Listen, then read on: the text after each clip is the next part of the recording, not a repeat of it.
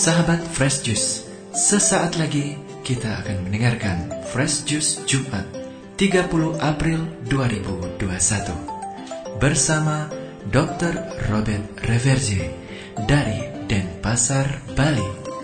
Selamat mendengarkan.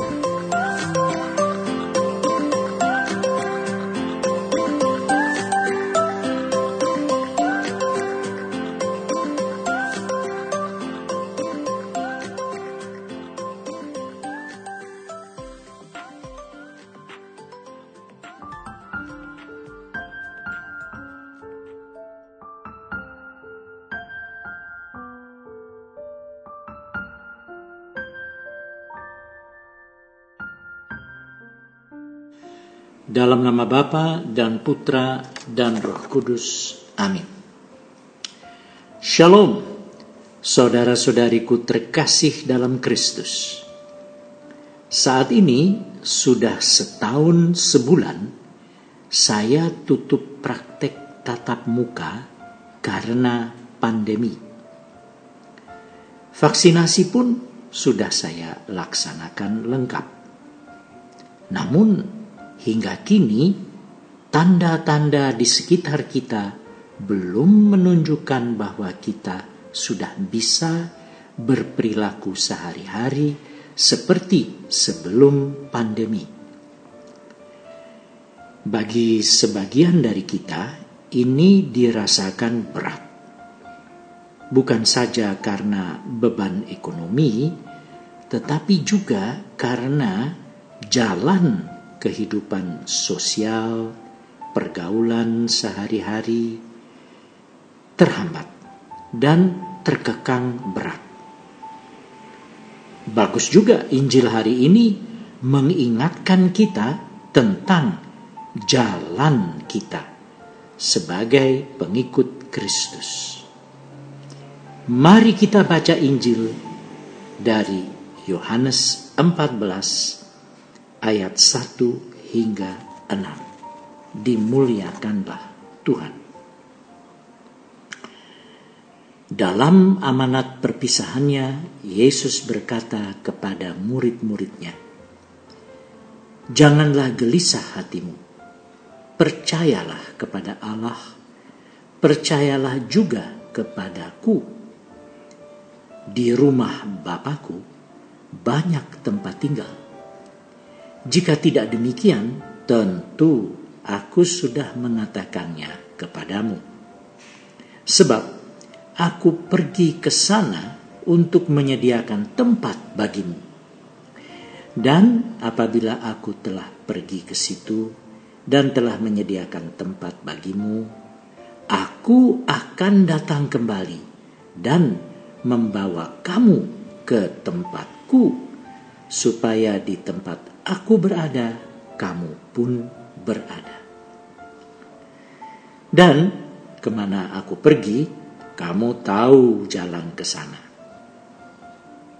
Kata Thomas kepadanya, Tuhan, kami tidak tahu ke mana engkau pergi. Jadi bagaimana kami tahu jalan ke sana? Kata Yesus kepadanya, Akulah jalan kebenaran, dan hidup. Tidak seorang pun dapat datang kepada Bapa kalau tidak melalui aku. Demikianlah Injil Tuhan. Terpujilah Kristus.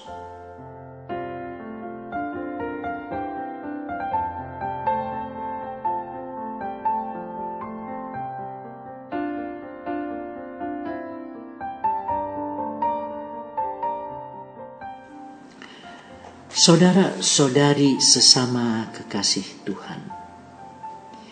Dalam ayat 6, Yesus membuka mata kita dengan ucapannya. Akulah jalan. Atas pertanyaan Thomas, bagaimana kami tahu jalan ke sana? Mungkinkah Yesus mau berkata bahwa selain berpegang kepadanya untuk tahu jalan, kita juga diminta untuk ikut menapaki jalan salib seperti yang telah dia lalui? Sebab, saudara, di tempat lain dalam Injil, Yesus pernah juga mengajar begini. Setiap orang yang mau mengikut aku, ia harus menyangkal dirinya, memikul salibnya setiap hari, dan mengikut aku. Ini diambil dari Lukas 9 ayat 23. Kita tahu bahwa kini semakin banyak orang mulai sangat jenuh, bosan, dan seperti kelelahan untuk menahan diri dari perilaku bebas seperti yang dulu kita rasakan. Nama yang keren untuk kondisi kejiwaan ini adalah pandemic fatigue atau lesu lelah akibat pandemi. Hati serasa ingin berontak terhadap berbagai restriksi dan kekangan yang dianjurkan oleh yang berwenang dalam bidang kesehatan dan pemerintahan. Perilaku orang-orang seperti ini di rumah pun menjadi macam-macam. Ada yang jadi cepat sekali marah, kurang sabar, ada yang jadi murung dan bingung. Ada juga yang jadi cemas dan panik. Dalam tanda petik, jalan keluar yang ditawarkan pun banyak untuk mengatasi kejenuhan massal ini. Ada anjuran psikologis ada anjuran-anjuran spiritual, kata-kata mutiara. Ada juga yang filosofis maupun anjuran untuk berolahraga dan meningkatkan kebugaran, daya tahan. Pokoknya rame sekali orang terutama di sosial media saling menasehati. Namun saudara, amat jarang saya dengar sesama orang Kristiani mengutip ajaran inti Yesus, yakni sangkal diri dan pikul salib. Saudara, Injil hari ini bisa menjadi pengingat bagi kita semua akan pemahaman dari inti ajaran Yesus ini. Satu, jalan Yesus yang telah Dia tunjukkan kepada kita adalah jalan salib, via dolorosa, yakni jalan penuh derita. Bukan jalan yang mulus, bebas hambatan, di mana kita bisa asyik menikmati suguhan-suguhan dunia. Dua, jalan Yesus ini juga suatu jalan penyangkalan terhadap rasa bebas, berkuasa, dan nikmat. Silahkan kita ingat kepada penyangkalan dan penolakan Yesus kepada iblis yang mencoba menggodanya di padang gurun pada awal pelayanannya.